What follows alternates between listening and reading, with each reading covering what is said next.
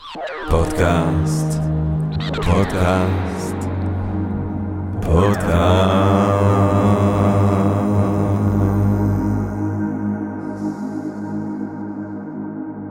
טוב, גבירותיי ורבותיי, ברוכות וברוכים הבאים לפודקאסט של Think and Drink Different. אני ג'רמי פוגל ואנחנו רוצים קודם כל להודות לסמסונג נקסט תל אביב, קרן ההשקעות בתוכנה בשלבים מוקדמים שמאפשרת לנו להקליט את הפודקאסט מהספר בשרונה כחלק מתוכנית התמיכה בקהילת החדשנות והיזמות הישראלית. וואו, נגמר לי זה הפעם. טוב, חזרנו, חזרנו, חזרנו, חזרנו. אני לצערי הרב, כי ממש צריך לעקור אותי מהעיר המדהימה הזאת, תל אביב.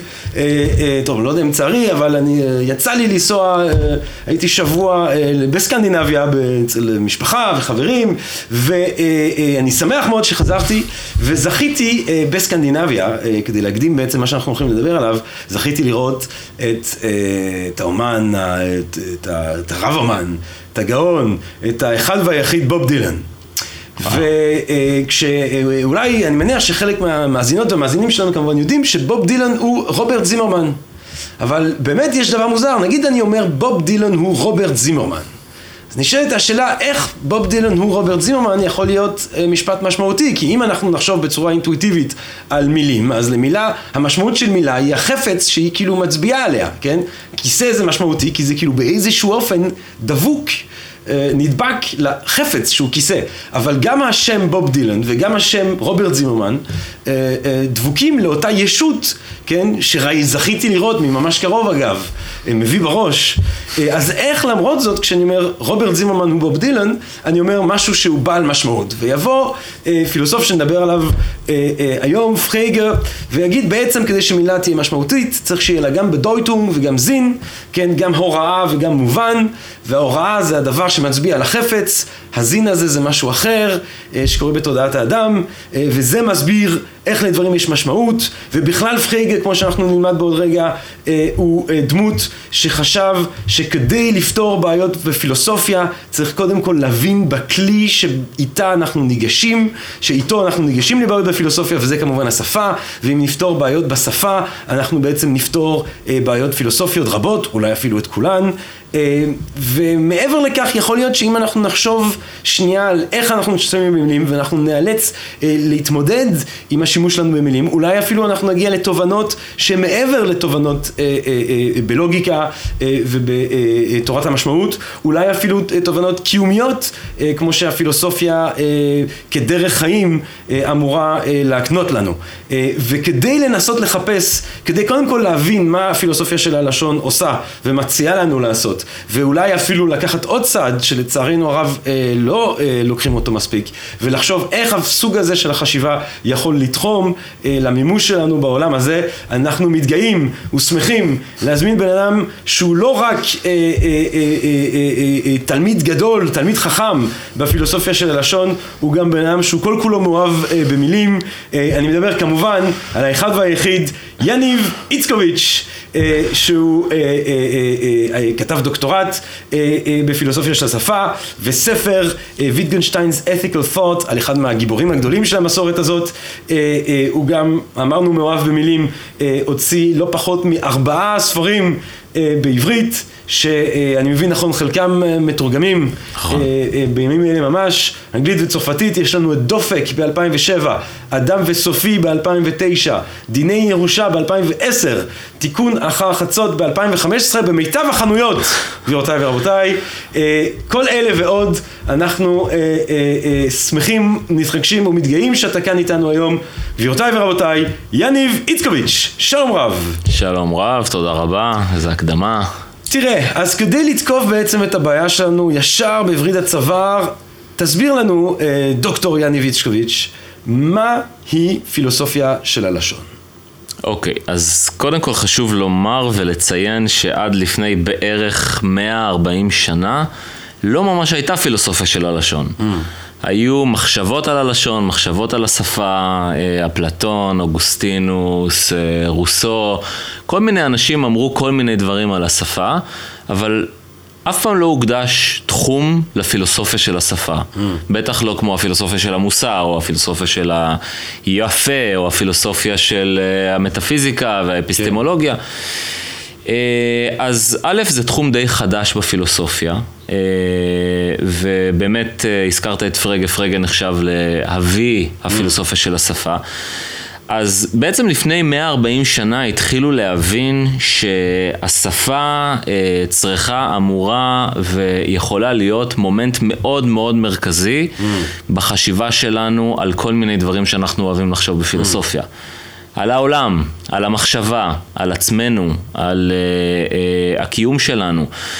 Uh, והגיעו למסקנה בעצם שהשפה יכולה להיות חומר גלם ממשי, mm. שדרכו אנחנו יכולים לפענח כל מיני דברים על המחשבה ועל הקשר שלנו עם העולם ועל הקשר שלנו עם עצמנו. Mm. Uh, והראשון שבאמת uh, עלה על הקשר הזה, יש שאומרים לגמרי במקרה, היה פרגה. אז תספר לנו את הסיפור הזה, למה, למה, ולמה אה, בכלל אפשר לטעון שהוא עלה על זה במקרה, מה הוא חיפש, מה הוא מצא. פרגה היה אה, פילוסוף אה, ומתמטיקאי שעסק במטריות אה, מאוד אה, לא קשורות לפילוסופיה של השפה. Mm. בעצם הפרויקט המרכזי של פרגה נקרא לוגיציזם, שהמטרה שלו, בתקופה של פרגה אה, התחילו לצוץ כל מיני מתמטיקות. שהיו אחרות מהמתמטיקה המקובלת, mm. כן? התחילו גיאומטריות לא, לא אוקלידיות, mm. התחילו אנשים כמו אה, רימן ולובצ'בסקי ו- ו- והילברט, שבעצם ערערו על האקסיומות הבסיסיות ביותר במתמטיקה. Mm. עכשיו, למה זה חשוב? כי מתמטיקה זה מבחינתנו סמל למדע הוודאי וה... אתה יודע, אם אתה שואל מהי אמת מדעית, כן. אז כמובן שהמתמטיקה היא מלכת כל כן. האמיתות המדעיות. מה שנקרא אה, בשפת, בשפה קנטיאנית, המשפטים המתמטיים הם סינתטיים אפריוריים. כן, כן. אה, הדוגמה לה... מובהקת לאמת נצחית. כן. אה, אה, אבסולוטית. שמרחיבה את הידע, שהיא לא אנליטית. להיכנס מי שלא למד גיאומטריה. בדיוק, בדיוק. ופתאום מתחילות לצוץ כל מיני מתמטיקות. שאומרות דברים אחרים, שאומרות כן. שאולי קווים מקבילים כן נפגשים אם אתה לא מסתכל עליהם במרחב הרגיל. ופרגי אומר, תקשיבו, אנחנו צריכים להפוך את המתמטיקה לברורה ומדויקת הרבה יותר ממה שהיא כרגע. וכדי לעשות זאת, אנחנו צריכים להשתית את המתמטיקה על הלוגיקה. ולמה על הלוגיקה? כי כללי ההיסק של הלוגיקה הם באמת נצחיים ו- ועל זמניים וקיימים עוד משחר ההיסטוריה ואף אחד לא יכול לערער אותם. אה, אז אם אנחנו נצליח להעמיד את המושגים המתמטיים ואת הכללים המתמטיים על כללי הלוגיקה, mm. אנחנו נוכל ליצור שפה אידיאלית, mm. שדרכה נוכל לעשות מדע כמו שצריך, בלי כל השטויות. בעצם יהיה לנו שפה אידיאלית, mm-hmm. שלא מתפרשת אף פעם על שני פנים, שאין לה שום אמביוולנטיות או אמביגויטי, אה, ועם השפה הזאת אנחנו נוכל בעצם לעשות את מה שמקווים לעשות, בדיוק. אה, עוד מאז דקארט לפחות, בפילוסופיה המודרנית, לבנות את הידע על בסיס איתן, בדיוק, בצורה נאמנה. בדיוק, ולמה השפה הטבעית לא טובה לעשות את זה? כי בשפה הטבעית יש עמימות, כן. יש כפל משמעות. כן. אה, בנו של השר החשוד בפלילים. כן. מי חשוד בפלילים? השר או הבן שלו? Mm. יש... אה, אה, אה, אודותיות מיותרת, כשאני אומר לך, היוונים ניצחו את הפרסים, כן. או הפרסים נוצחו על ידי היוונים, אני אומר את אותו דבר. כן. אבל פעם אחת אני מדבר על היוונים, ופעם אחרת אני מדבר על הפרסים. כן. למה צריך את זה, כן. אוקיי? יש אה, ענייני, כן. קונוטציות, ענייני תרבות, כן. אסוציאציות תרבותיות של זמן ומקום. אומר פרגה, תקשיבו, אנחנו צריכים לעשות סדר. יש מילים שיש להם כמה משמעויות, mm. מושגים שיש להם כמה משמעויות, אי אפשר לעבוד ככה. Mm. אז פרגה אומר, בוא נעשה סדר, בוא, בוא ננקה וניצור איזושהי שפה אידיאלית. ובדרך ליצור את השפה האידיאלית, האידיאלית הזאת, הוא אה, מתחיל לשאול כל מיני שאלות על שפה, על משמעות, מה זאת משמעות, מה זאת שפה, איך אנחנו יוצרים משפטים אמיתיים, איך השפה בכלל מעבירה לנו מידע, כן? אני אומר לך, למשל, שאתמול אכלתי תפוח, ואתה מבין בדיוק מה שאני אומר, אבל... ואתה יכול לדמיין את הסיטואציה שאתמול אכלתי תפוח, אבל אני בסך הכל אמרתי לך כמה צלילים. כן. איך זה מצליח בכלל להעביר לך... איך עובד הדבר, איך זה עובד הדבר כן, הזה? אז, אז, אז דרך זה הוא מתחיל כן. לשאול כל מיני שאלות. Mm. ודרכם הוא בעצם מייסד את השאלות הבסיסיות ביותר של הפילוסופיה של השפה, שעד היום הולכות איתנו, ועד היום אין עליהן תשובה אחת כמובן. כידוע בפילוסופיה, מה שחשוב זה השאלה ולא התשובה. אה, ואני חייב לומר משהו על פרגה, שאולי קצת נרחיב עליו בהמשך, אה, הוא היה כל כך גאון. שבדרך כלל כשפילוסוף עולה על רעיונות מסוימים, באים אחריו פילוסופים וסותרים אותו ומפריחים אותו, ו... אז הפילוסופים אחריו בדרך כלל לא הפריחו אותו, סתרו אותו, אלא רק אולי הקצינו את העמדות שלו. זאת אומרת, העקרונות הבסיסיים של פרגה, למשל העיקרון של האנטי-מנטליזם שאולי נדבר עליו, עיקרון ההקשר, אפשר להגיד שהם מתקבלים היום בפילוסופיה של הלשון באופן אה, די ברור כמעט על ידי כולם, ואם יש הבדלים ודקויות, זה רק ברמת ה... עד כמה אתה לוקח את זה רחוק. אז מה, מה, מה יניב, הם, היית אומר, עם השאלות האלה שהוא הציב, שהן עדיין השאלות, ומה עם, ה, ה, אתה יודע, אה, אה, התשובות הבסיסיות, העקרונות מאחורי התשובות הבסיסיות שהוא? אז, אז השאלה או העיקרון הראשון שכמובן הולך אחורה לתולדות הפילוסופיה, אולי קצת נדבר על תפיסת השפה לפני פרגה, mm.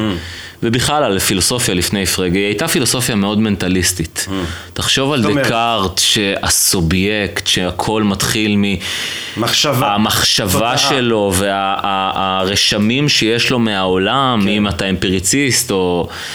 ולמשל, קח פילוסוף כמו ג'ון לוק, כן. שאומר איך עובדת השפה, מאוד מאוד פשוט, יש לי רושם, נגיד אני לוקח אה, רושם של כיסא, אז יש לי איזושהי אידאה של כיסא אה, במוח, ואני רוצה עכשיו להגיד לך משהו על הכיסא. אני רוצה להעביר לי מחשבה, להעביר לך מחשבה שיש לי ואתה לא מודע לה. אז מה אני עושה? אני מגייס את השפה. השפה היא, כמו שפילוסוף חשוב אחר, מייקל דאמט, קרא לזה, היא כמו נהג מונית. אני, יש לי משהו, אני רוצה להעביר אותו אליך, יש לי אידאה של כיסא, אני רוצה להעביר משהו על הכיסא ואני רוצה שאתה תבין את זה, אז אני מגייס את השפה. איך השפה עובדת? המילה כיסא היא כמו תווית שנדבקת לאידאה שיש לי בראש. אני שולח את התווית אליך, אתה מקבל את התווית, מפרש אותה לאידאה שיש אה, לך בראש, וככה אנחנו מסוגלים לתקשר. ובעצם המטרה המרכזית של השפה היא תקשורת. אין לה חשיבות ב... משהו אחר אה, מעבר לזה, שהיא נועדה אה, לאפשר לנו לתקשר אחד עם השני, mm. אוקיי? והגילוי הראשון של פרגה אה, היה בעצם שכדי שהשפה תעבוד, היא לא מעבירה אסוציאציות או אידאות שיש לי במוח אליך, אלא היא חייבת לפנות ישר לעולם. היא מדלגת על האסוציאציות שלנו, היא אנטי-מנטליסטית. Mm. אוקיי? כדי שהשפה תעבוד, כדי ש... נגיד שאני אומר לך, בואנה, תראה איזה כיסא שחור יש פה. כדי שהמשפט הזה יעבוד, כדי שאתה תבין אותו כמו שאני רוצה שתבין אותו, mm. הוא לא יכול לעבור דרך רושם שיש לי בראש על כיסא או שחור, אלא זה חייב להיות אובייקטיבי לחלוטין. זה חייב להיות מנותק לחלוטין מכל מיני אסוציאציות שיש לי או לך על כיסא או על שחור, mm. זה חייב להיות אובייקטיבי. ואיך הוא עושה את זה? הוא אומר, תראה, כשאנחנו אה, מדברים על דברים, אה, אנחנו, כדי שהשפה תעבוד, לא יכול להיות שהיא עוברת דרך רושם שיש לי על משהו, כי אז הדבר שאני אתכוון אליו לעולם לא יהיה הדבר שאתה תבין אותו. Mm. והרי אנחנו מבינים אחד את השני. Mm. אז כדי שזה יעבוד, קודם כל השפה נמצאת, המקום המשמעותי שהשפה פועלת היא לא במנטלי. Mm. והוא אומר, אתם רוצים להבין איך השפה עובדת? תפרידו בין הפסיכולוגי ללוגי. Mm. אתם רוצים להבין איך היא עובדת? תחפשו את זה בתחום הלוגי ולא בתחום הפסיכולוגי. Mm. וזה עיקרון שנקרא אנטי-מנטליזם, שהוא עד היום שולט בכיפה כמעט באופן שהוא בלתי ניתן לערעור. אה, ודיברת על אה, מובן ועל הוראה ועל אה, שני מושגים מאוד מאוד חשובים של פרגה, אז צריך לזכור את זה כי יש הרבה פעמים בלבול. שגם המובן וגם ההוראה הם בתחום האובייקטיבי, הם בתחום הלוגי. זה לא אסוציאציה. זאת אומרת שכשאתה אומר לי אה, בוב דילן הוא רוברט צימרמן, mm. אז יש פה שני מובנים שמובילים לאותה הוראה. נכון. אבל גם שני המובנים וגם ההוראה הם בתחום האובייקטיבי לגמרי. זה לא קשור למה כן? ש... כן, זה לא קשור גם להס... הזין, אני פשוט, אני כן. ברחתי מפילוסופיה של לשון לפני איזה... אז אני אסביר את זה באנלוגיה. גם, גם הזין הוא לא, הוא לא, הוא לא- אה, אה, אסוציאטיבי. לא אסוציאטיבי, האשימו אותו אחרי זה שזה עלול לקרוס למנטליזם, כן. אבל מבחינת פרגה זה לחלוטין בתחום האובייקטיבי, והוא נותן אנלוגיה. דמיין שאנחנו מסתכלים על טלסקופ, אנחנו מתס- מסתכלים על הירח בטלסקופ. כן. הירח זה ההוראה שלנו, זה מה שאנחנו, האובייקט שאליו אנחנו רוצים להגיע. ההשתקפות של הירח בטלסקופ זה המובן. כן. זה האופן שבו הירח האמיתי ניתן לנו בשפה. אבל זה אובייקטיבי המובן הזה. הוא חשוף לכולם, הוא פתוח לכולם. יכול להיות שאתה לא יודע אותו, יכול להיות שאני אתמול לא ידעתי מי זה רוברט צימרמן, ואתה עכשיו גילית לי שבוב דילן הוא בעצם רוברט צימרמן, אז העברת לי מידע שאני לא ידעתי קודם. זאת אומרת, אתה, אתה עד אתמול לא ידעת שההשתקפות של הירח בטלסקופ אצלך היא בדיוק. הדבר הזה בשמיים. בדיוק, בדיוק. אומר פרגה, אה, למשל המשפט המפורסם שהוא מדבר עליו זה כוכב הבוקר הוא כוכב הערב, נכון? היו בהיסטוריה שבטים מסוימים שקמו כל בוקר, ראו כוכב ואמרו, אה, הנה כוכב הבוקר. עובדה שאין להם את אותו שם באמת. נכון, ואז בערב הם ראו עוד כוכב ואמרו, אה, הנה זה כוכב הערב. נכון. והיו להם שני מובנים שונים, ומבחינתם היו להם, היו להם גם שתי הוראות שונות. כי הם חשבו שכוכב הבוקר אבל גם המובן וגם המהוראה, יש להם קיום שהוא עצמאי. עצמאי, לפנימיות. בדיוק. ול- הוא לא אה, קשור כן. לפנימיות שלנו, הוא לא קשור לפסיכולוגיה שלנו, הוא לא קשור לאסוציאציה שלנו. הוא לחלוטין בתחום האובייקטיבי. וככה אנחנו מעבירים מידע שהוא מידע סינתטי. כשאני אומר לך, ברק סינתטי, אובמה, רק נ- נוודא. סינתטי הוא מרחיב את הידע, את הידע. מרחיב לנו את הידע. אני אומר לך שברק אובמה הוא הנשיא ה-44 של ארצות הברית, כן. אוקיי? מה אני בעצם אומר לך? אם לא ידעת ש... הוא היה 44 או 43? נדמה לי ש-44, נגיד. למרות שאפשר לבדוק את זה. כן. אה, כן, 44, כן. אם לא ידעת שברק אובמה היה הנשיא ה-44 של הברית, אז הנה, קיבלת ידע שלא היה לך קודם. נכון. אבל איך הגיע הידע הזה? כי הרי הנשיא ה-44 של הברית הוא אותו אחד שנקרא גם ברק אובמה. אז ההוראה היא אותה ההוראה או הייתה זה הוראה? הישות הזאת, המגניבה הזאת, שהיא לגמרי. ברק אובמה. נכון. אבל ברק אובמה ונשיא 44 הם שני מובנים שני שונים של אותה שמובילים ההוראה. אותנו אל אותה הוראה. בדיוק. אמ, ואז יש גם את המקרה של נגיד אה, אכיליס. נכון. או אה, אה, אה, קוף. אודיסאוס, כן, קוף, לגמרי. אה, שהם ואז... בעצם, כן, בבקשה. אז אני אומר, ואז מתחילות להיווצר אה, בעיות עם התיאוריה הזאת. אוקיי? אגב, אני רק אגיד לפני שאני אדבר על הבעיות, כי זה מאוד מאוד חשוב אה, לדבר על העיקרון השני, חוץ מהאנטי-מנטליזם, והוא עיקרון ההקשר. שזה עיקרון שכשאנשים שומעים אותו, הלסת שלהם נשמטת ולוקח להם בערך דקה להחזיר את הדופק. פרגה אומר, היחידה הבסיסית בשפה היא לא האות ולא הצליל ולא המילה, אלא היא המשפט. בניגוד מוחלט לאינטואיציה שלנו, כשאתה שואל אנשים, תגיד, מה, מה מרכיב שפה? הם אומרים לך, מה זאת אומרת? מה. שמרכיב שפה זה מילים. כן. כן, אולי הברות, אולי צלילים, אולי... עץ, כיסא, שולחן. עץ, כיסא, כן. פרגי אומר, חבר'ה, אם אתם רוצים להבין איך שפה עובדת, אתם צריכים לקבל את עיקרון ההקשר, שאומר שמה היחידה הבסיסית בשפה היא המשפט ולא המילה. למה הוא אומר את זה? ושוב, זה קשור לעיקרון האנטי-מנטליסטי, אוקיי? הוא אומר, איך מעבירים אה, ידע בשפה? איך, איך זה קורה? איך, איך אנחנו בכלל מצליחים לדבר על דברים? כשאנחנו אומרים אה, משפטים אמיתיים או שקריים.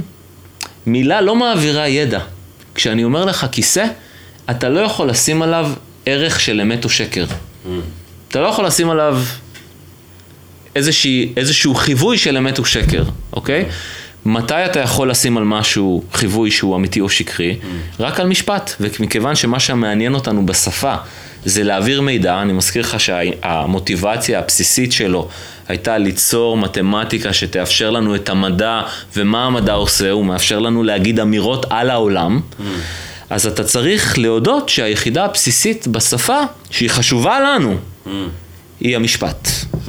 ואז הוא אומר שהמובן של משפט, לא, אין, רק למילים מובן והוראה, גם למשפטים יש מובן והוראה. המובן של המשפט זה המחשבה שהוא אה, מעביר לנו, וההוראה של המשפט זה היותו אמיתי או שקרי. זאת אומרת, גם למילים יש מובן והוראה, וגם למשפטים יש מובן והוראה, רק שאצל משפטים ההוראה היא האמת או השקר שלהם. והמובן של המשפט הוא... המחשבה שהוא uh, מעביר לנו, כן. אוקיי? Uh, ותשים לב שיש קשר מאוד יפה, אתה זוכר שההוראה של מילה זה הדבר בעולם. הירח הירח כשלעצמו, עצמו, וההוראה של המשפט זה היותו אמיתי או שקרי, כלומר, מה קורה בעולם. כן. אוקיי? וכדי שמשפט יוכל להיות אמיתי או שקרי, המילים בתוכו חייבים שיהיו להם הוראות. כי אם אני אומר לך למשל, אה, אז אנחנו מגיעים איפשהו קצת לווריפיקיישניזם של אייר. נכון, אה, נכון. שאייר היה אומר, אם נכון. אני בא אליך ואני אומר לך, יניב, מאחוריך יש דרולו בוגו. ואני אומר לך, מה זה הדרולו בוגו הזה? אי אפשר, אתה לא, אתה לא רואה אותו. אה, הוא מריח, אתה לא מריח אותו, אתה לא שומע אותו, אתה לא שם לב, אבל הדרולו בוגו נמצא. נכון. זאת אומרת, זה לא אמיתי או לא אמיתי. נכון. זה פשוט אה, חסר, נכון. וכמובן שזה היה דרך שלו לדבר על... בדיוק, אלוקים. בדיוק, כן. מאוד מאוד נכון. אז, אז, אז תכף אנחנו נגיע לזה גם בפרגה, כי מה שאתה אומר כרגע, זה קיים כבר אצל כבר אצל פרגה. פרגה, כן. אוקיי? פרגה אומר לנו, כדי שמשפט יהיה אמיתי או שקרי, למילים שבתוכו, ואנחנו לא ניכנס כרגע לאיך משפט בנוי וזה, כי זה באמת אה, לא להסבר קצר, אבל המילים שבתוכו חייבות להיות הוראות. אוקיי? כי אם אתה תיתן לי משפט שיש למי, אה, בו מילה ואין לה הוראה, לדוגמה, אודיסאוס הפליג לאיתקה בעודו ישן, אנחנו בבעיה. כי אנחנו לא יודעים אם המשפט הזה הוא אמיתי או שקרי. למה אנחנו לא יודעים? כי לאודיסאוס אין הוראה. אבל יש לו, יש לו משמעות למ- למשפט. יש לו, יש לו מובן. יש לו מובן. יש לו מובן, אבל אין לו הוראה. אוקיי. ואז אנחנו בבעיה מאוד רצינית. זאת אומרת, אם כדי שיהיה משמעות אני צריך גם מובן וגם הוראה, כן, כן. אז המשפט הזה לא לחלוטין אז משמעותי? המשפט הזה, לפי פרגה, הוא לא, הוא, הוא לא אמיתי והוא לא שקרי, הוא בעצם יש בו בעיה, כן. אוקיי?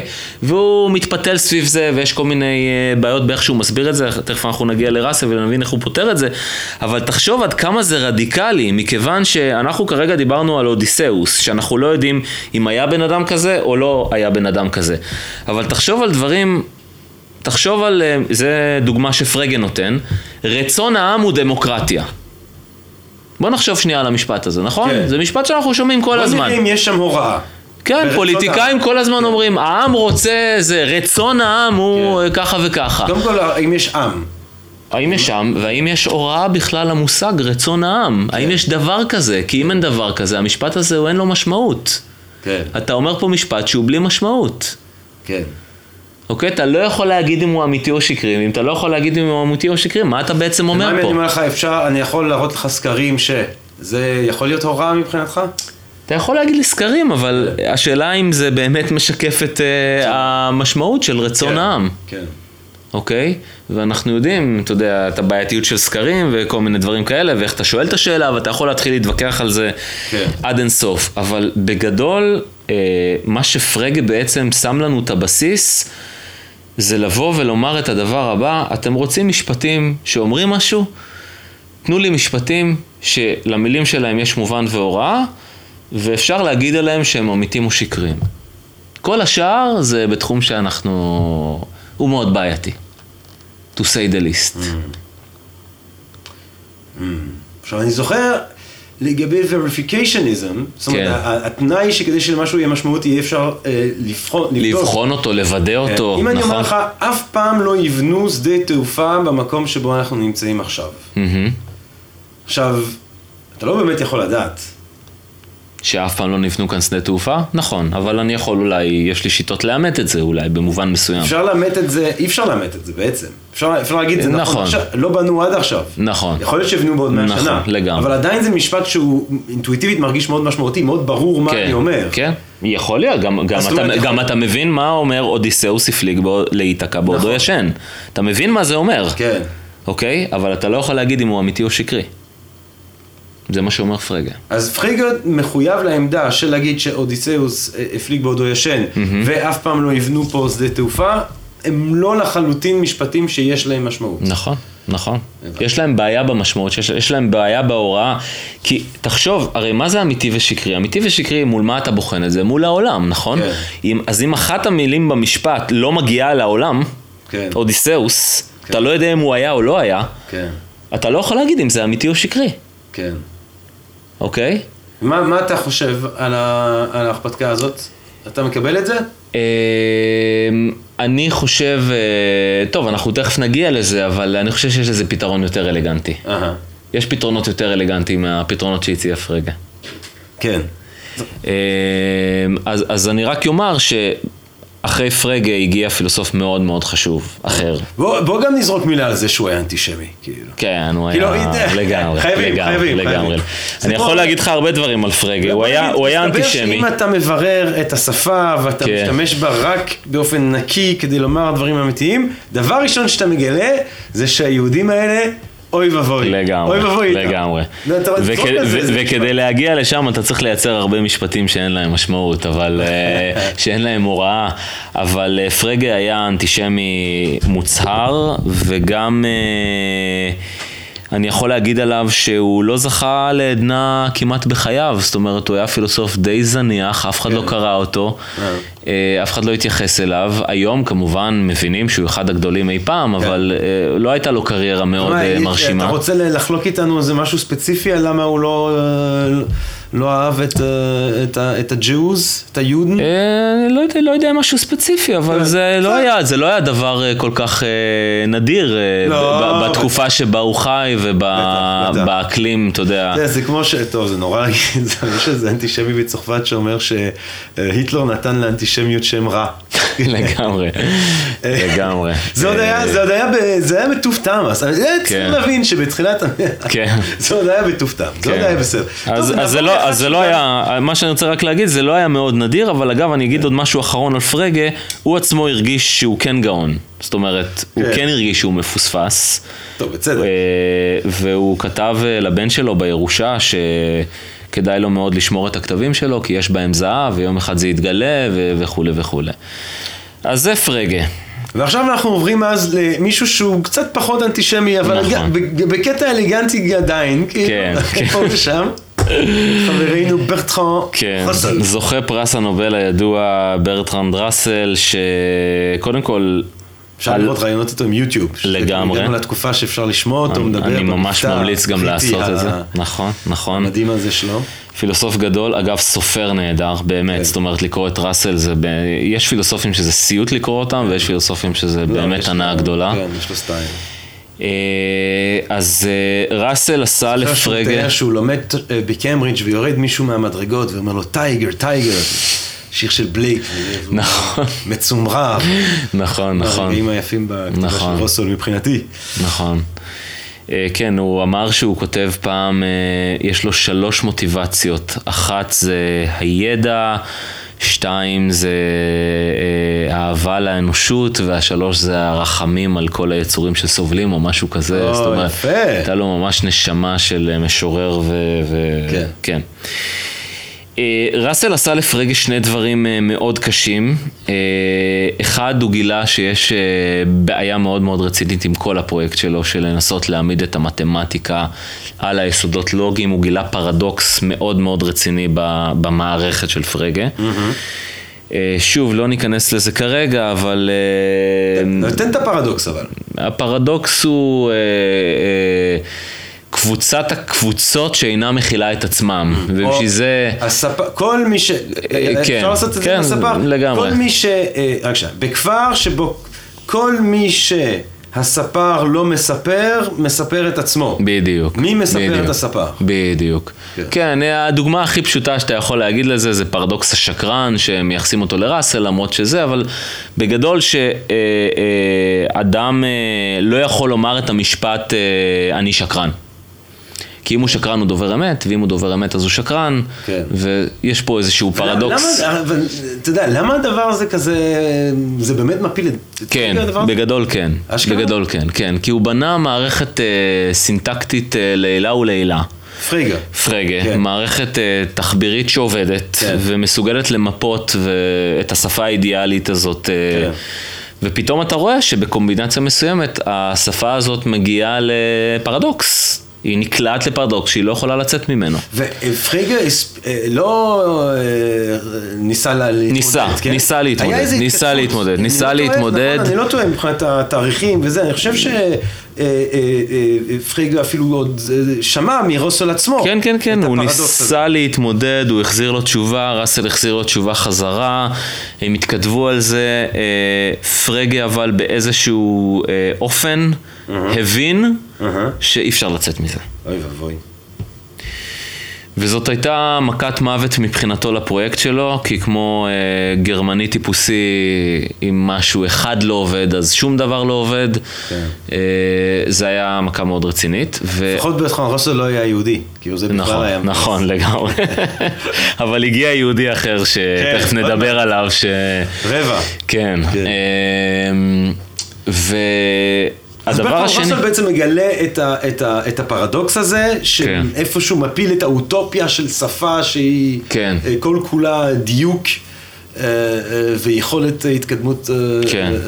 בידע שהוא ללא יכולת ערעור, כן. הוא מגלה את הפרדוקס. חשוב לומר שעוד פילוסופים ניסו להפיל את פרגה, אה, ולא הצליחו. כן. אה, עשו לו כל מיני אה, ניסיונות, אה, בעיקר על העיקרון השלישי שלא דיברנו עליו, על הפרדה בין פונקציה לאובייקט, ניסו להראות לו שאין ממש הבחנה וזה. והוא הוא הצליח לצאת מזה די יפה, אבל ראסל היה זה שתקע מסמר מאוד מציע? רציני. והוא לא ממש מציע, אבל אה, הוא עובד על פרויקט די דומה, אני חייב לומר, אה, יחד עם וייטהד, Mm-hmm. עובדים על פרויקט די דומה, אה, שוב, העיקרון הזה של הלוגיציזם. אה, למרות שלראסל יש מוטיבציות שהן אחרות קצת, מוטיבציות אפילו מטאפיזיות. ראסל אה, גדל כאידיאליסט והפך לאמפיריציסט, והוא מנסה להראות איך אתה יכול לבנות מצד אחד שפה לוגית, אבל מצד שני שפה לוגית שמתחברת לעולם דרך נתוני חושים ודאטאות וכל מיני דברים כאלה, וזה הפרויקט שלוקח על עצמו ראסל.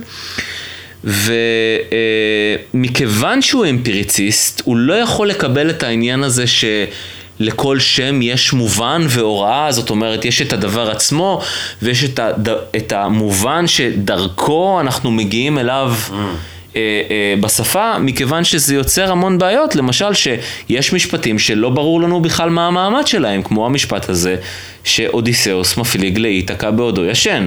אז אנחנו מתחילים לקבל קטגוריות של משפטים, אז יש משפטים אמיתיים, ויש משפטים שקריים, ויש משפטים שהם לא כאלה והם לא כאלה. וראסל, בהיותו אמפיריציסט, אומר, תקשיב, כל המשפטים בשפה, אם אנחנו רוצים לעשות מדע, כל המשפטים בעלי המשמעות צריכים להיות או אמיתיים או שקריים. אין באמצע. אוקיי, ומה, איך אנחנו מגיעים למצב כזה? איך אנחנו מגיעים למצב כזה? אז פרגה, אה, סליחה, ראסל אה, מכניס או מכיר לפילוסופיה דבר שנקרא תיאור מיידע. ומה הוא בעצם אומר? הוא אומר, תקשיבו, בגדול, כל השמות בשפה, בסופו של דבר הם תיאורים מיידים. מה זה אומר? זה אומר, בוא ניקח את המשפט שראסל לוקח, אה, משפט מאוד ידוע, שיש עליו הרבה בדיחות גם, המלך הנוכחי של צרפת כן. הוא קרח. רגע של, רגע אה, מגניב של אה, שוביניזם בריטי. לגמרי. אז uh, למאזינים שוודאי יודעים, לצרפת באותה תקופה לפחות, כן. לא היה מלך, וכשאתה אומר משפט, המלך הנוכחי של צרפת הוא קרח, זה משפט שגם אתה וגם אני מבינים אותו. נכון. אבל לשיטתו של פרגה, מכיוון שלמלך הנוכחי של צרפת אין הוראה, כן. אז המשפט הזה הוא לא אמיתי ולא שקרי. כן. ומה שראסל אומר לנו, הוא אומר לנו, לא ככה השפה עובדת. איך השפה עובדת? השפה עובדת שכשאנחנו אומרים שם או תיאור מיידע, כמו המלך הנוכחי של צרפת, מה שאנחנו בעצם אומרים, אנחנו אומרים שיש מלך כזה, שהוא אחד ויחיד, ושהוא קרח.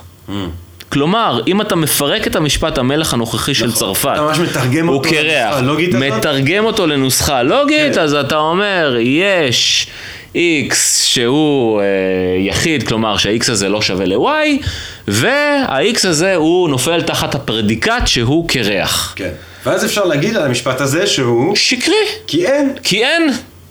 כן. כי אם אתה, כן, יש, אה, אתה לוקח את הקוניונקציה, את החיבור של שלושת המשפטים האלה, ואתה אומר, המשפט הזה, כדי שהוא יהיה אמיתי, כל אחד מהרכיבים שלו חייב להיות אמיתי. אם אני אומר, אכיליס, אכיליס אה, רצח את הקטור. נכון. אז מה שאתה אומר זה שיש. אחד, אקילס, השם הזה הוא בעצם תיאור מיידע. כן. אתה אומר, גם- יש גם מישהו, זה- גם זה הוא תיאור מיידע. אז זה שקרי. זה נכון, משפט- נכון, אתה אומר יש מישהו שקוראים לו אקילס, שהאקילס הזה הוא אינו מישהו אחר, והוא נופל תחת הפרדיקט, שזה במקרה הזה זה פרדיקט עם... אה, ש- אתה יודע, מה שמעניין זה שהוא מרגיש שפחות נכון לומר שזה לא נכון שאקיליס רצח, ובטרויה, לפי הסיפור של טרויה, כן. אקיליס כמובן רוצח את כן. אה, אה, אה, הקטור. אז אה, זה פחות נכון לומר שזה לא נכון להגיד שאקיליס רוצח את הקטור, מאשר להגיד שזה לא נכון שאקיליס רוצח את הקטור. נכון. כן. נכון, אז בגל- ב- ברגע שאתה שני אופציות שקריות, זה גם נכון. שקר שהוא גם נכון. שקר שהוא לא רצח. נכון. כן. ופה יש דו משמעות, אבל כשאתה נכנס לנוסחאות לוגיות, אתה פותר את זה. כן. כי כשאתה מכניס כמתים ואתה שם את השלילה במקום הנכון, אז אתה פותר כן. את הדו משמעות הזאת. כן, כן. ואז ראסל בעצם בדבר הזה הוא פותר בעיה מאוד מאוד מרכזית, ש, שאין לנו יותר קטגוריה שלישית. זה המשפט הוא או אמיתי, כן. או שקרי. עכשיו, איך אנחנו נדע אם הוא אמיתי או שקרי? בבקשה, יש לנו עולם, יש לנו נתוני חושים, אנחנו יכולים ללכת, אנחנו יכולים לבדוק את זה, אבל בגדול... אה, הוא מצליח להדק יותר את, ה, את המערכת. כן. ובמובן הזה זה פרויקט מאוד חשוב. התקדמות. אה, התקדמות מאוד גדולה וכולי וכולי, למרות שיש מאמר מאוד מאוד ידוע בשנות החמישים של סטרוסון, שנקרא On Referring, שבו הוא בעצם מראה איך ראסל טועה. אה, ובעצם מה שהוא אומר, הוא נותן פתרון מכיוון אחר לגמרי. הוא אומר, תקשיבו, בשפה, אנחנו לא צריכים את הניתוח הלוגי הזה. בצבא יש, בשפה יש מה שנקרא אה, פעולות מוצלחות ופעולות לא מוצלחות. כשאתה אומר המלך הנוכחי של צרפת הוא קרח, זה לא משפט שקרי, זה פשוט משפט לא מוצלח. כי אתה מדבר על מישהו שהוא לא קיים, אז זה, הוא קורא לזה happy ו-unhappy. זה, זה לא, זה לא, אתה, אתה לא צריך לרדת ללוגיקה בשביל להבין למה המשפט הזה הוא לא טוב. יש משהו באופן שבו אתה מסתכל על השפה הטבעית ובאופן שבו אנחנו משתמשים בה, וכשאני אומר לך משפט כזה, אתה מבין שזו פעולה לא מוצלחת בשפה, פעולה משובשת בשפה.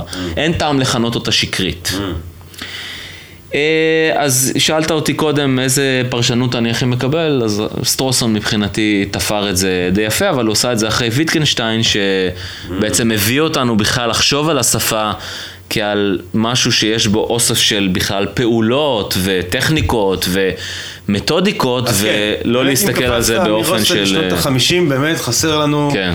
המרכיב שהוא קרוב ללבך במיוחד. קרוב לליבי. אחד מהפילוסופים הגדולים, החתיכים גם, יפיוף. נכון, נכון. המיוסרים. מיוסרים, עם איזשהו ככה, זה מהפילוסופים שיש להם סקס אפיל. לגמרי. שיש להם איזה דין. ששנאו פילוסופיה. ששנאו פילוסופיה, כן. ויש להם איזה מוחכבות, נכון. ורצון אובדני, נכון, וזה כמובן ויטגנשטיין. נכון. אז מה, מה, מה, אז תציג לנו, תציג לנו את אה, לודוויג. טוב, הזכרת. קודם את היטלר, אז אה, חייבים לציין את התמונה המפורסמת. שלהם. ביסודי, הם היו ביחד בדיוק, ביסודי. היו ביחד ביסודי, ויש... שאגב, אה, למי שקורא את מיינקאמפ, ואני לא רואה שום סיבה לא לקרוא את מיינקאמפ. לא, האמת זה נהיה משעמם אחרי חצי נכון. ספר. אבל, מה שמעניין במיינקאמפ של היטלר זה שהוא מתאר את ה... את, זאת אומרת, הוא מתחיל ממקום פלורליסטי.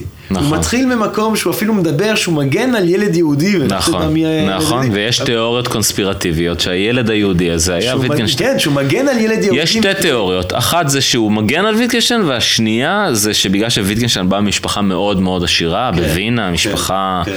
מוכרת ומבוססת, אז אה, שהיטלר תמיד אה, קינה בו ושנא אותו על כך. אבל לפי איך שהיטלר מסביר את, ה, את ההרפתקה האנטישמית שלו, שהיא אה, אולי פחות בטוב טעם כבר מאיפרגר, אה, אז אה, הוא מתחיל את הדרך מהבנה שצריך להגן על שונות ועל יהודים, ואז בשלב מת האבא, זה דבר כן, משמעותי, כן. ואז כשהוא מגיע, אתה ממש מתחיל להרגיש איזה מחלת נפש אוכלת אותו שם נכון, בוויינה, נכון. כשהוא נהיה אומן, והוא מתחיל פשוט להשתגע, וקודם כל להריח, נכון. את הריח הנורא הזה שיש ליהודים, כן. והשאר הוא היסטוריה. נכון, אבל כנ- באמת- כנראה שגם היה לו קשה להתפרנס מהאומנות שלו, אז זה גם הביא אותו לתסכול. אה, שזה, אתה יודע, שלנו, לגמרי. צריכים להתנהג.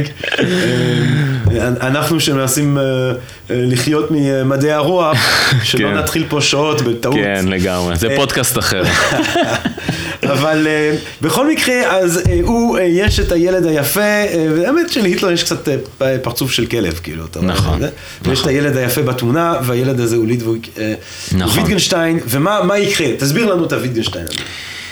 אוקיי, אז uh, ויטקנשטיין uh, הוא באמת, כמו שאמרת, בן אדם מאוד מעניין, מגיע ממשפחה אוסטרית מבוססת, הולך ללמוד בכלל תחומים במדעים. נכון, אה, הנדסה, ומתעניין באדריכלות, והאחים שלו מתאבדים בדרך, וכל מיני דברים כאלה.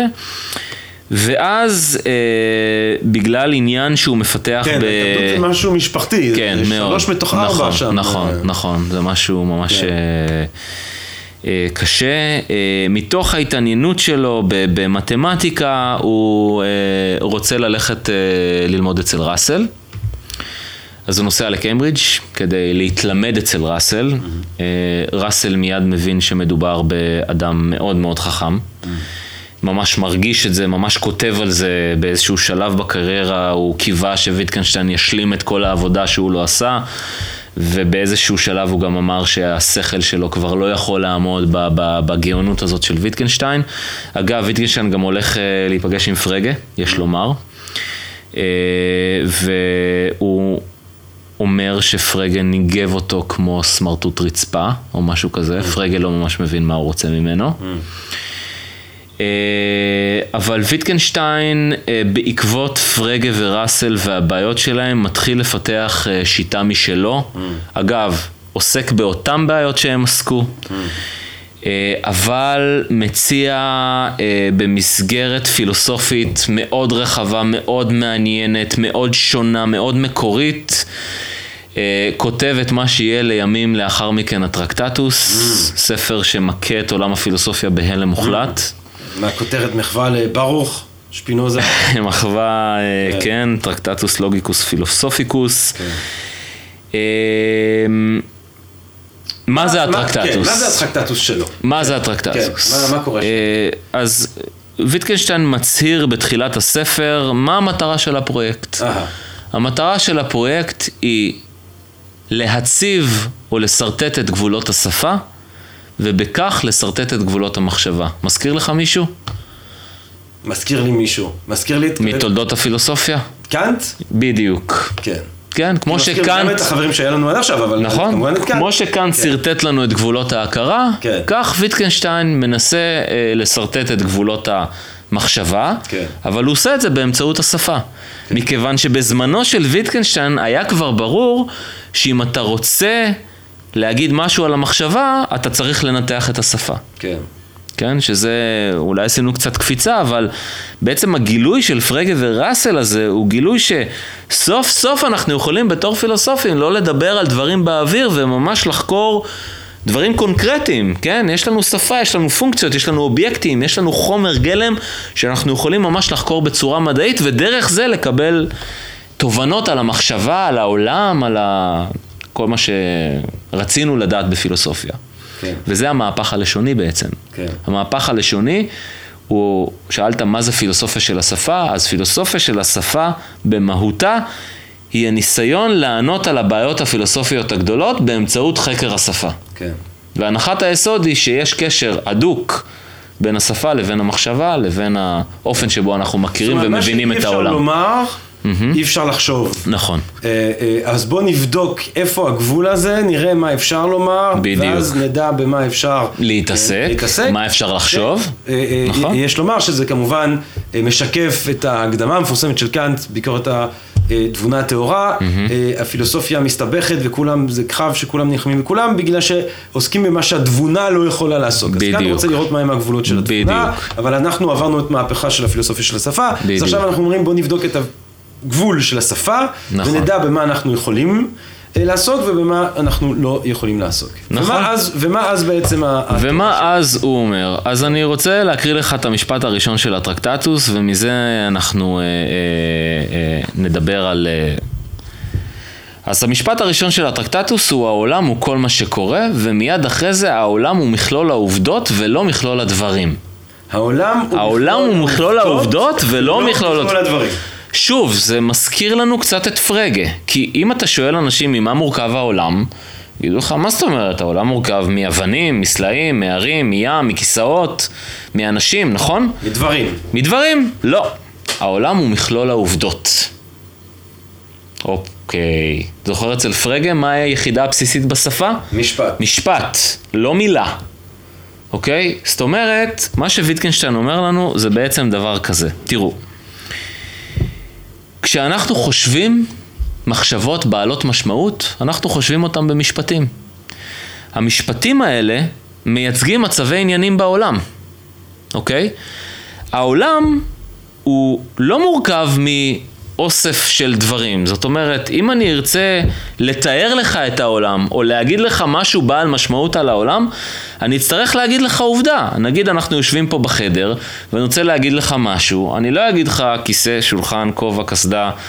מיקרופון, מחשב, אתה לא תבין כלום, זה רשימה של מכולת. כן, אבל העובדה שאתה תאמר לי, mm-hmm. היא באמת משהו שיכולה להיות בעל משמעות בשפה, mm-hmm. אבל אינטואיטיבית באמת, mm-hmm. מרגיש שעדיין, גם אם אנחנו רק יכולים לדבר על העולם בעובדות, mm-hmm. העולם כשלעצמו, הדבר הזה שאולי אסור לדבר עליו, הוא כן דברים. אז אומר לנו ויטקנשטיין, לא. למה לא? מכיוון ש...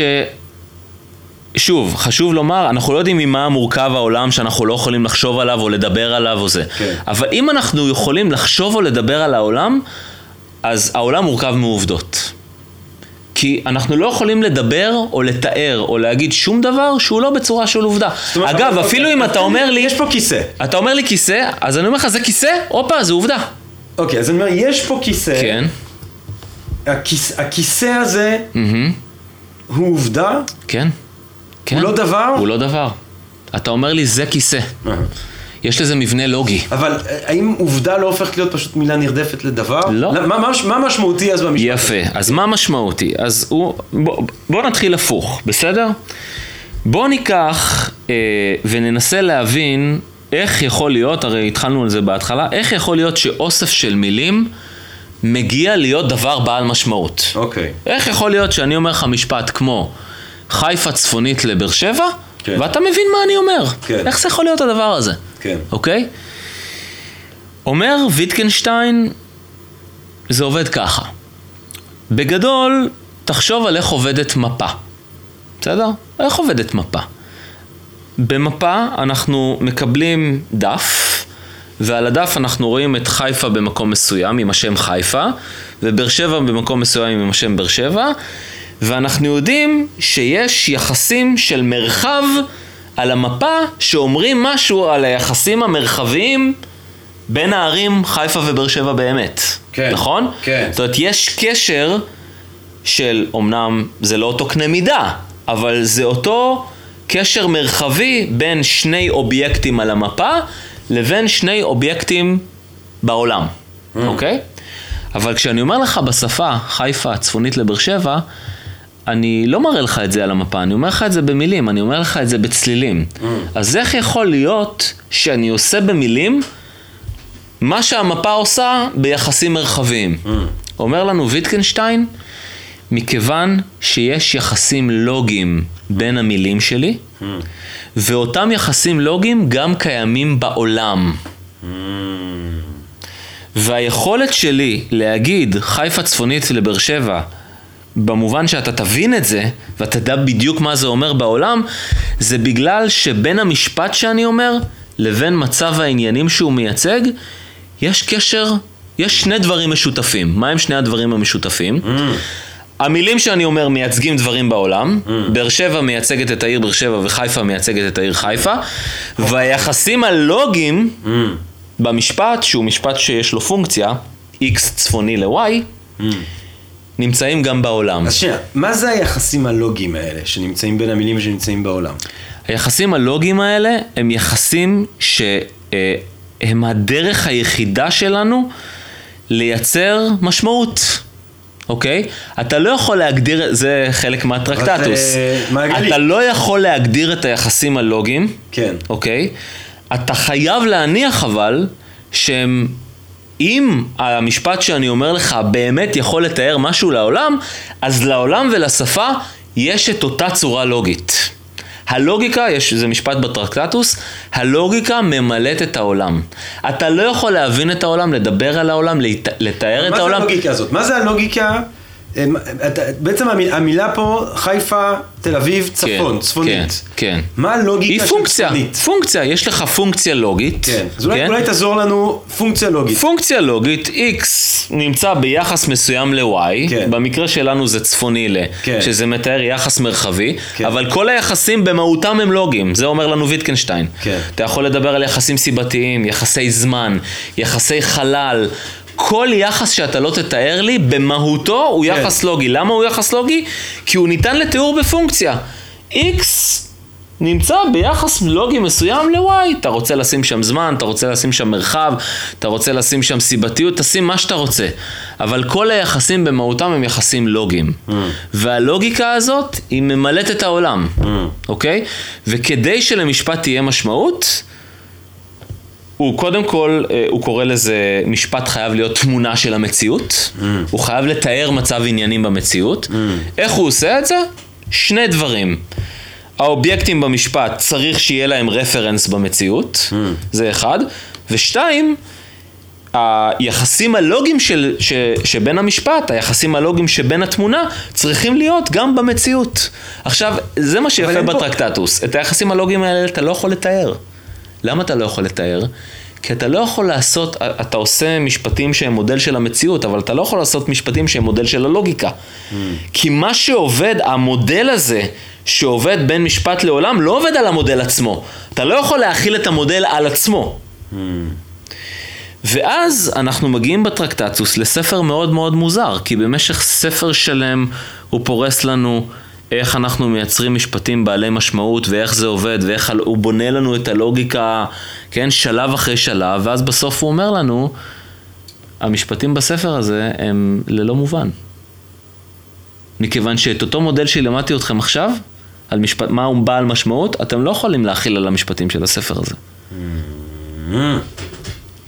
אני, אני רוצה, אם אם אמרת קאנט, כן. קאנט היה לו איזשהו משהו, היה איזה, היה איזה אלמנט ספקני. אולי נכון. בגלל שהוא התעורר בעקבות הספקנים הגדולים, נכון. אה, דקארט, יום בעיקר. אה, והוא אומר, אני מדבר על מה שקורה בתודעה, אני לא יודע מה קורה בעולם. נכון. אתה יודע, בתודעה יש סיבתיות. אנחנו מבינים את הדברים כסיבתיים, אנחנו מבינים את הדברים במרחב, אנחנו מבינים את הדברים כזמניים. האם בעולם כשלעצמו יש סיבתיות, יש אה, זמן, יש מרחב? לא יודע. פה אבל, אתה אומר לי שוויטגנשטיין מתחיל מזה שהוא מנתח איך משפט הוא בעל משמעות, והוא כאילו משליך את זה ואומר זה חייב להיות קיים גם בעולם. נכון. אז במובן הזה הוא פחות ספקן מקאנט.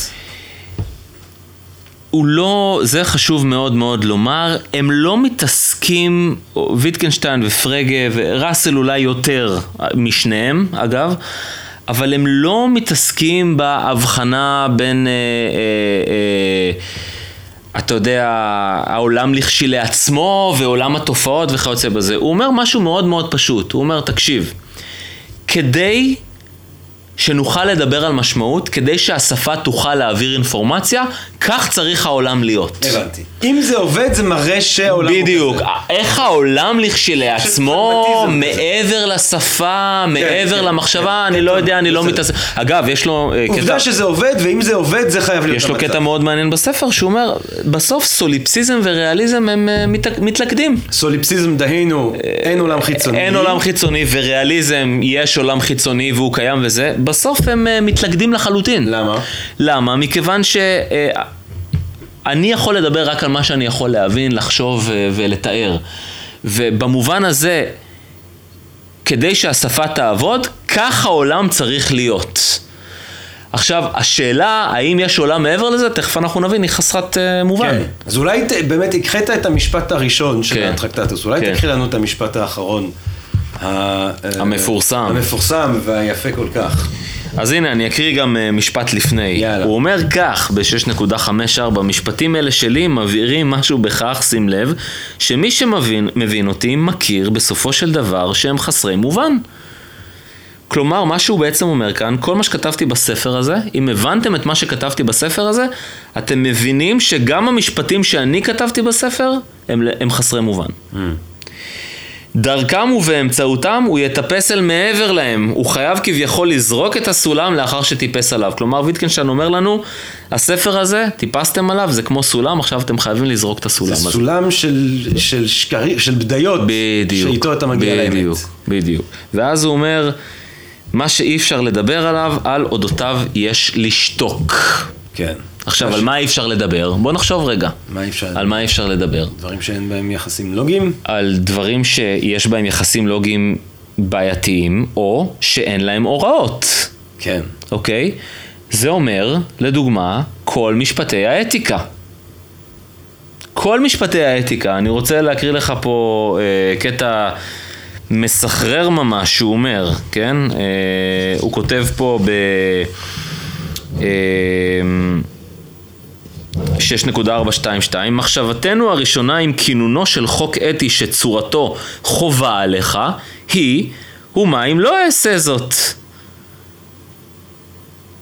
כלומר, מה שהוא אומר, האתיקה, הוא אומר 6.42, אי אפשר שיהיו משפטי אתיקה. עכשיו, למה אי אפשר שיהיו משפטי אתיקה? בוא נחשוב על המשפט אסור לרצוח.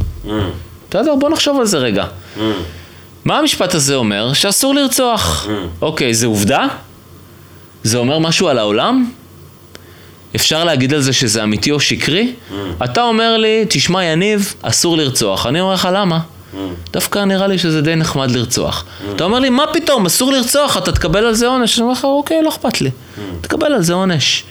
אומר, אבל אפשר, אפשר להגיד אסור לרצוח במובן כמובן שיש ספר חוקים שבו כתוב וזה וזה. אתה יכול להגיד שיש אבל- ספר אבל חוקים. אם אני אומר מבחינה מוסרית, כן. אל תרצח. אז אני אגיד לך, מה? לא הבנתי. מה זה אומר מבחינה מוסרית? כן, אוקיי? כן. אז מה שוויטקנשטיין בעצם אומר, הוא אומר, אתם יכולים להמשיך להגיד את המשפטים האלה כמה שרוצים, כן. כמה שאתם רוצים.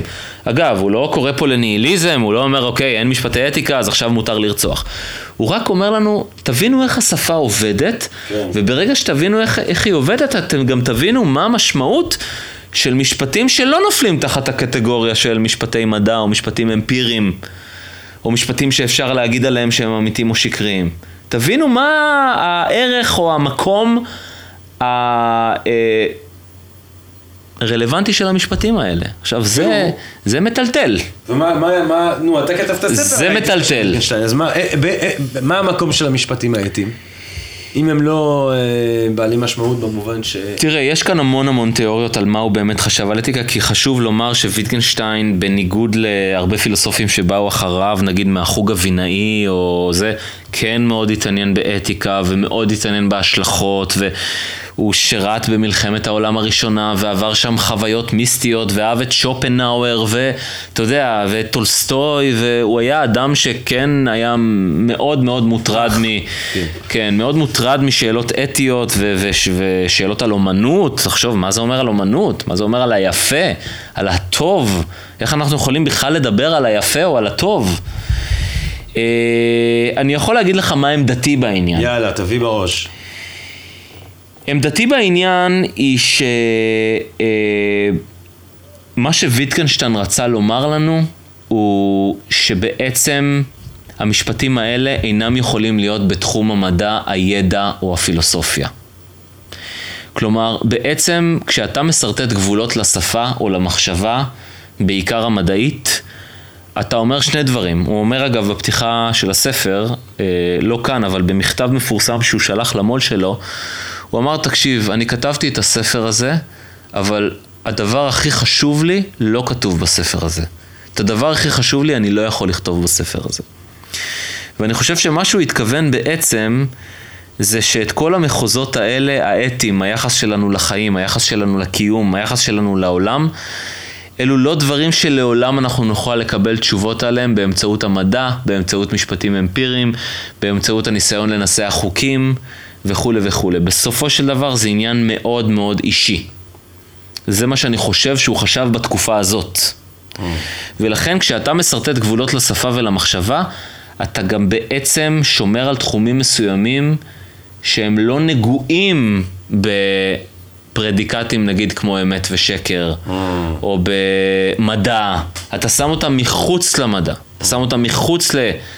אמת ושקר, ואתה הופך אותם באמת למשהו קיומי, אקזיסטנציאליסטי, פרסונלי. היחס שלך לעולם, היחס שלך לחיים, תחשוב שהוא בא ממשפחה שהאחים שלו התאבדו. הוא בא מתקופה שאנשים נהגו בכלל להתאבד שם כן. באופן די סיטונאי. והאופן שבו הוא אה, אה, כתב את הטרקטטוס וכל התכתובות שיש לו עם חברים, די מעיד לנו על זה שהוא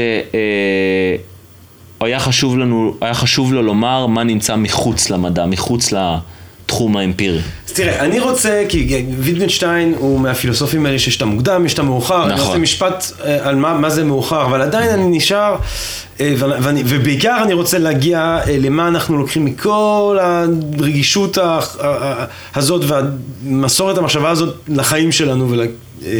לקיום שלנו ולדברים כמו אהבה ששמעתי אותך אה, מחצה אה, על, אה, על הדבר הזה ומאוד אהבתי. אבל, אבל אני רוצה שנייה, לפני שאנחנו מגיעים לויטנשטיין מאוחר, הסוף הזה של הספר, אני עדיין תקוע עם זה. כן. כי, ואני תקוע עם זה, אתה יודע, גם היום וגם אבל שנים, ש... אם הבנת את הספר, אז... כי יש משהו, יש בזה משהו מאוד אלגנטי, מאוד נכון. באמת ג'יימס דיני. נכון. אם הבנת, אתה יודע, הבנת, אז בעצם זה כלום. זה נכון. נכון. אבל אז אתה אומר, אה, יש משהו, אז אם זה כלום, אז איך בכלל זה משמעותי? זאת אומרת, אם... אני, אפשר, אתה יודע, ציורית, אה, אה, סולם של חציי אמיתות או סולם של בדיות, איתם אתה מגיע לאמת, זה, נש... זה עובד, אבל אז תכלס. שאלה נפלאה, ריגשת, באמת ריגשת, כי זה תמיד מעביר בצמרמורת. אה, אז אני אגיד לך שבפרשנות ויטגנשטיין יש שתי אסכולות, mm. ממש, שיש ביניהם קרבות שאתה לא מבין, mm. כולל גידופים, נאצות oh, ו... טוב. מה, ואם יש כנס של אלה אז לא מזמינים את אלה, ולהפך. ו... אסכולה הראשונה, שהיא נקרא לה המסורתית, טוענת שוויטגנשטיין כתב את הטרקטטוס באופן אמיתי לגמרי, ופתאום בסוף קיבל הערה שאם באמת הוא הולך עם השיטה שלו עד הסוף, הרי הספר הזה, אנחנו, אתה יודע, עשינו לו הפשטה מאוד גדולה, הרי יש בו המון לוגיקה, והוא שם, הוא מצרין את הכל, ושם את הכל בפונקציות.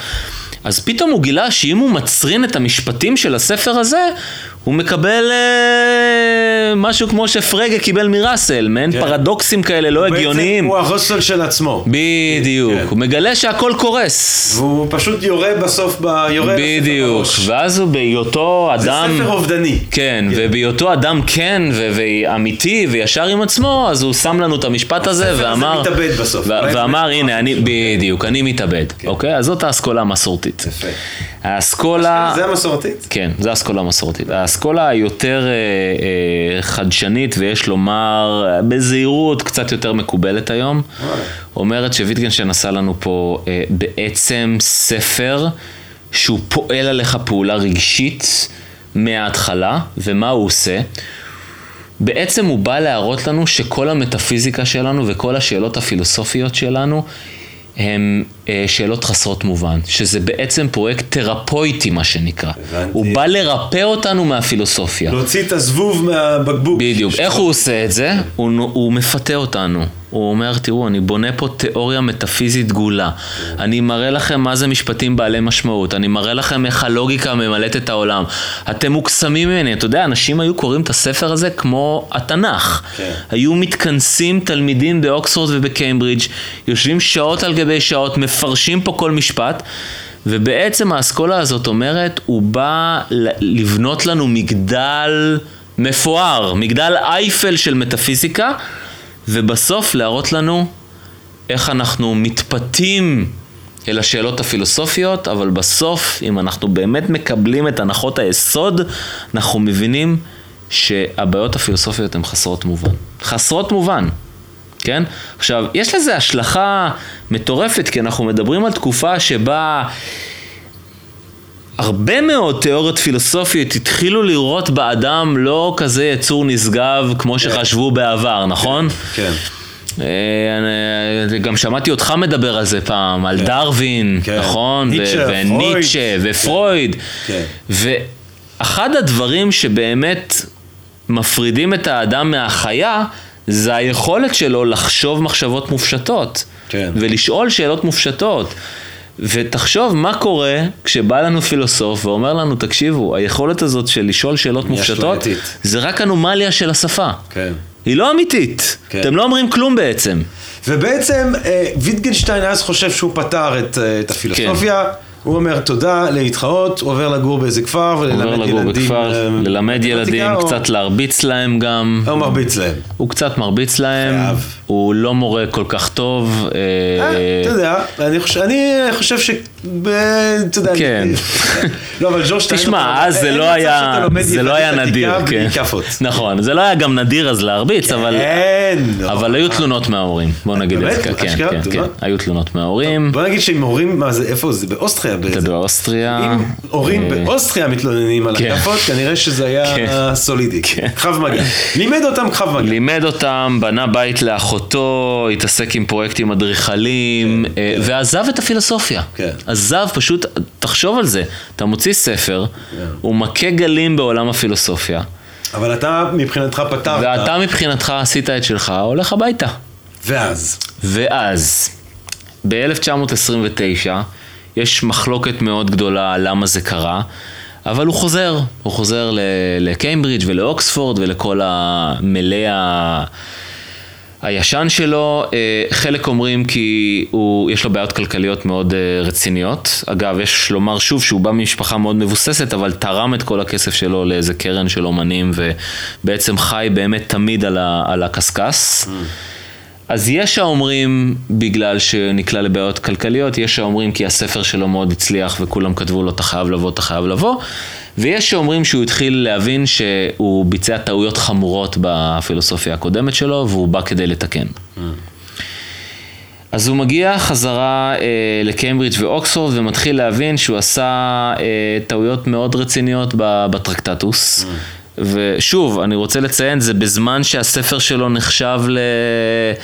הדבר. הדבר, הוא מקבל דוקטורט, הוא, כן, אה, באופן ישיר. אוסלו בעצם מגיש בשבילו... בדיוק, את ה- מגיש את הספר ספר שלו כדוקטורט, מקבל תקן, מה שהיום אתה רק יכול לחלום כן, עליו כ... כאילו, בוא. לגמרי, כן, כן. רק תבוא, תלמד, תהיה איתנו, כן. כמה כסף שאתה רוצה, עזוב, כן. כאילו, רק תבוא. כן. אה, והוא מתחיל לחשוב בכיוונים אחרים לגמרי. אה, יש אה, אנקדוטה שאומרת שבזמן שהוא ישב והתווכח עם פילוסופים על הטרקטטוס, ישב לידו איזשהו חבר, שרפה איטלקי. כן. והם דיברו על הצורה הלוגית של המשפט ועל המשפט כתמונה, ואז השרפה הזה עשה לו כזה תנועה עם הסנטר כזה של... איטלקית, כן. תנועה איטלקית של, אתה יודע שבאיטלקית זה אומר. יד מתחת לסנטר, אה, שבאיטלקית. המשמעות של כן, זה זה יאללה. עזוב כן. אותי באימא שלך, כן. ואמר לו, נו, ומה הצורה הלוגית של זה? כן.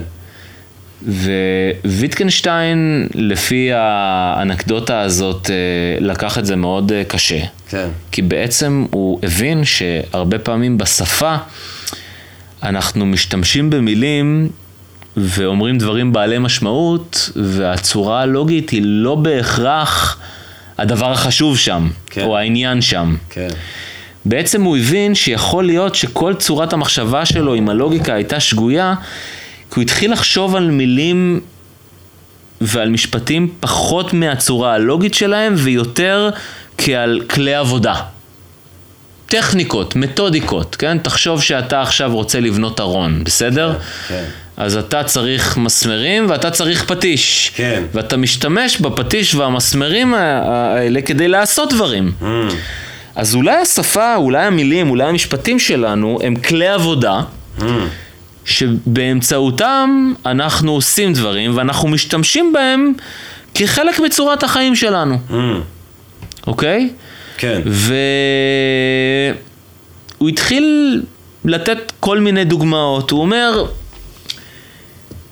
בעצם גם אני בטרקטטוס, למרות שעשינו התקדמות והעברנו את הכל לתחום האובייקטיבי והלוגי, אז יכול להיות שיותר מדי חשבתי על מילים כמו כיסא שיש להם הוראות וזה, ופחות מדי התייחסתי למילים מופשטות יותר. נגיד, איך אנחנו לומדים בשפה מה זה המילה או? Mm.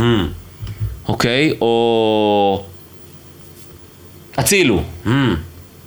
כן, אנחנו לא מחפשים את ההוראות שלהם, נכון? Mm. ועדיין אנחנו מבינים, אני אומר לך, תקשיב, ג'רמי, הצילו! כן. אתה אומר לי, אתה רואה אותי טוב, ואתה מיד מבין מה זה אומר, נכון? כן, כן, כן, כן. הצורה הלוגית וההוראה של הדבר היא פחות חשובה כאן. כן. ואז הוא אמר, רגע, אם זה נכון במילים האלה, אולי זה גם נכון במילים כמו כיסא, אולי ההוראה היא באמת לא כזאת חשובה. ואז הוא עשה מה שפילוסופים כמעט לעולם לא עושים. הוא הסתכל, הוא התבונן, הוא הסתכל על איך ילדים לומדים שפה.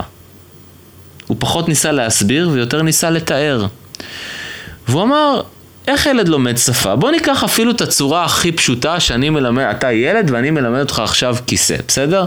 יש לי אה, ילדה בת אה, עשרה חודשים, מקרה אמיתי, ואני רוצה ללמד אותה אימא. מה זה אימא? מה אני עושה? אני מצביע על אימא שלה, ואני אומר, אימא. ומה אני חושב לעצמי? אני אומר, הילדה יוצרת איזו תמונה מנטלית של אימא, ואז היא שומעת את הצליל אימא, ואז הילדה בראש מקשרת את התמונה המנטלית לאימא. ואז קיבלנו הוראה. וויטקנשטיין אומר, תראו, אם אתם תסתכלו באמת על איך ילדים לומדים שפה, אתם תראו שזה ממש לא עובד ככה. כי בהתחלה הילד, אתה מצביע לו על משהו, הוא מסתכל בכלל על האצבע. אגב, כל מי שיש לו ילדים חווה את זה ברמה היומיומית. כן. לוקח זמן עד שילד מבין שהדבר... האצבע מצביעה. שהאצבע מצביעה ולא האצבע. דבר שני, אתה מצביע לו על משהו, הוא לא יודע בדיוק למה אתה מתכוון. כן. הוא לא יוצר ישר תמונה מנטלית. הוא חושב, אולי אתה מתכוון לצבע, אולי לצורה, אולי אתה כועס עליו, אולי אתה בכלל... אז מה, אז מה בעצם, אז התשובה שלו בסופו של דבר? אז התשובה שלו, הילד- התשובה שלו זה, אה, היא מאוד אורגנית, מאוד טבעית. אנחנו פשוט מתאמנים בחיקוי. מה זאת אומרת? זאת אומרת שתחשוב שהתינוקת שלי בת עשרה חודשים, אה, אני מצביע לה ואני שואל אותה מי זאת, והיא אומרת אימא. ואז אני שמח ואני אומר, הנה יופי, התינוקת יודעת מי, מה זה אימא, או מי זאת אימא. ואז מקרה אמיתי, התינוקת אה, מחבקת אה, רגל של שולחן, ואומרת, אימא. נכון? ואז אני אומר לה, לא, לא, זאת לא אימא, זאת אימא. ואז התינוקת מחבקת את הכלב ואומרת, אימא. ואז יש מה שנקרא, אנחנו מתחילים להתאמן. אנחנו מתחילים להתאמן. אנחנו מתאמנים בכל מיני סיטואציות, ובוא נגיד שבגיל שנה וחצי התינוקת אומרת אימא, והיא מצביעה רק על אימא שלה, בסדר? האם היא מבינה את משמעות המילה אימא? ודאי שלא. היא לא יודעת מה זה אימא, היא לא יודעת שאימא הולידה אותה, היא לא יודעת שלאימא יש אימא.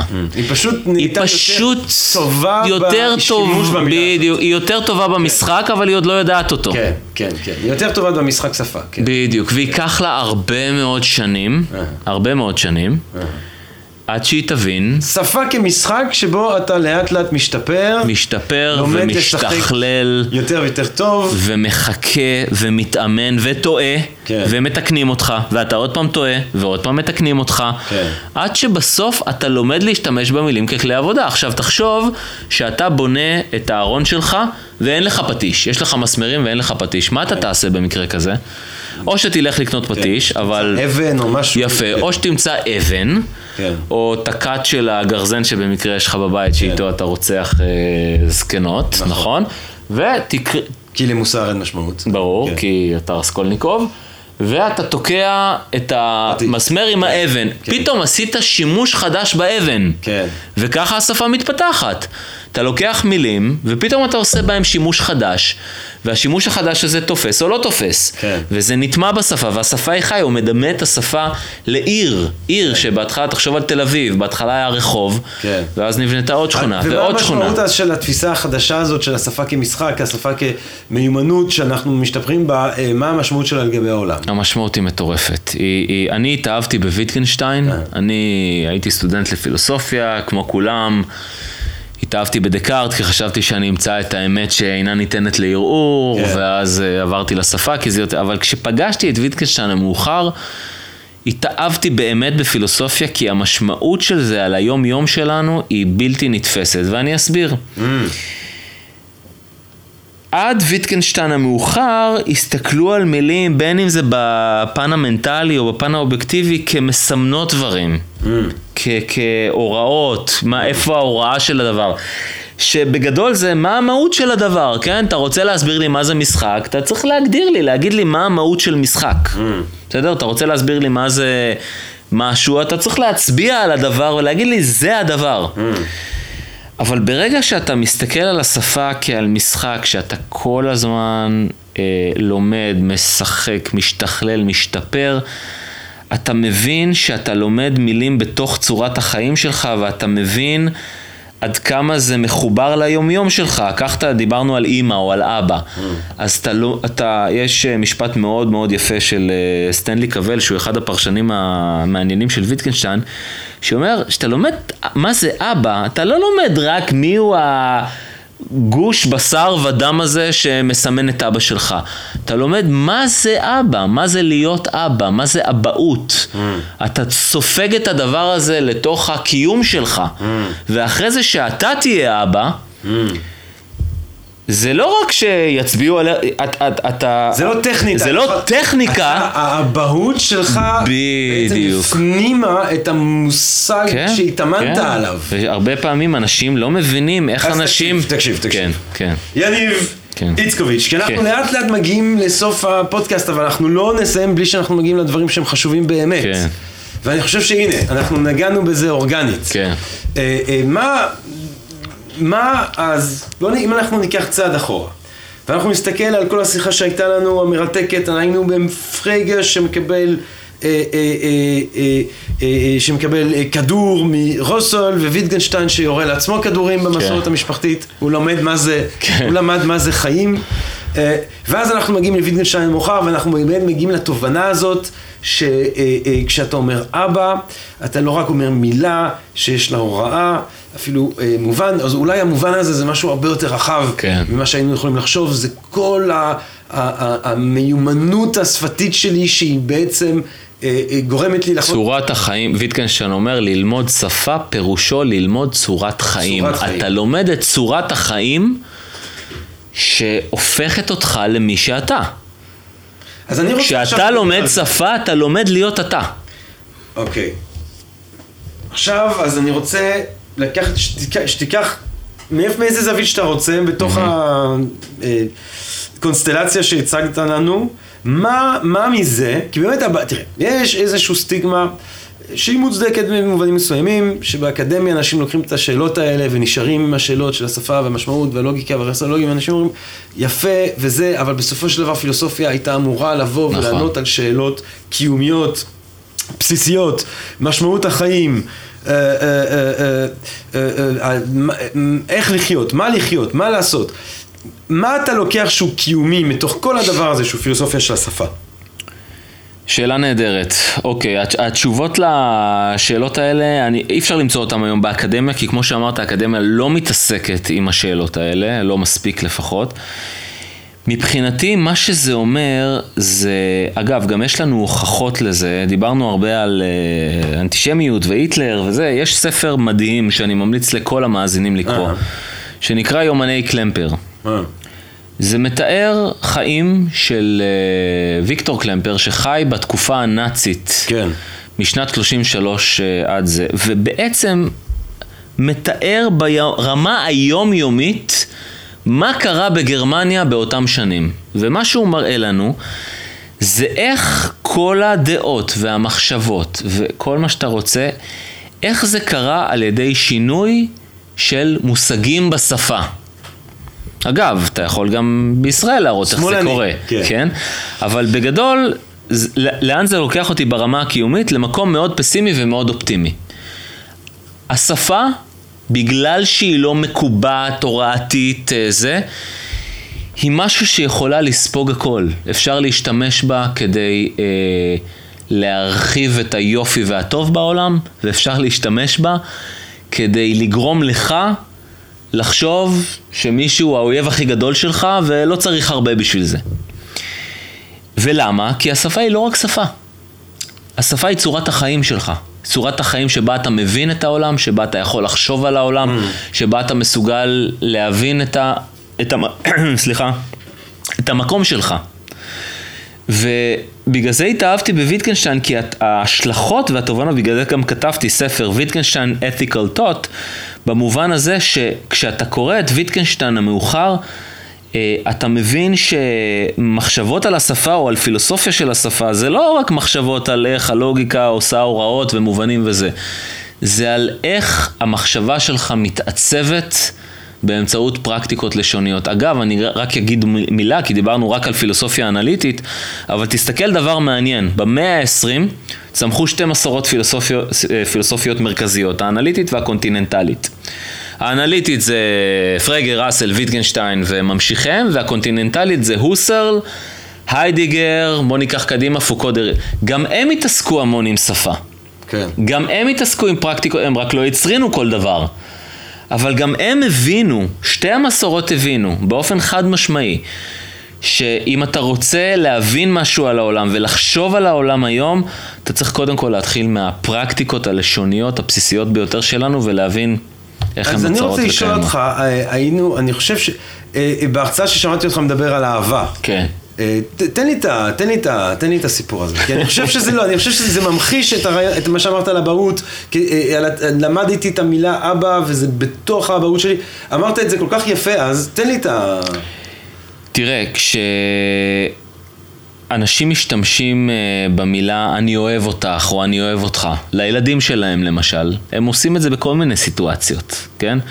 תחשוב למשל על, ואני מכיר את זה באופן אישי, הורים שאומרים לילדים שלהם שהם אוהבים אותם רק אחרי מילת ניגוד. לדוגמה, אני מעניש אותך, אבל אני אוהב אותך. Mm. אוקיי? תחשוב שאדם ש... לומד, כן, ככה. אדם שלומד את האהבה בצורה כזאת, איזה סוג של אהבה תתעצב בחיים שלו?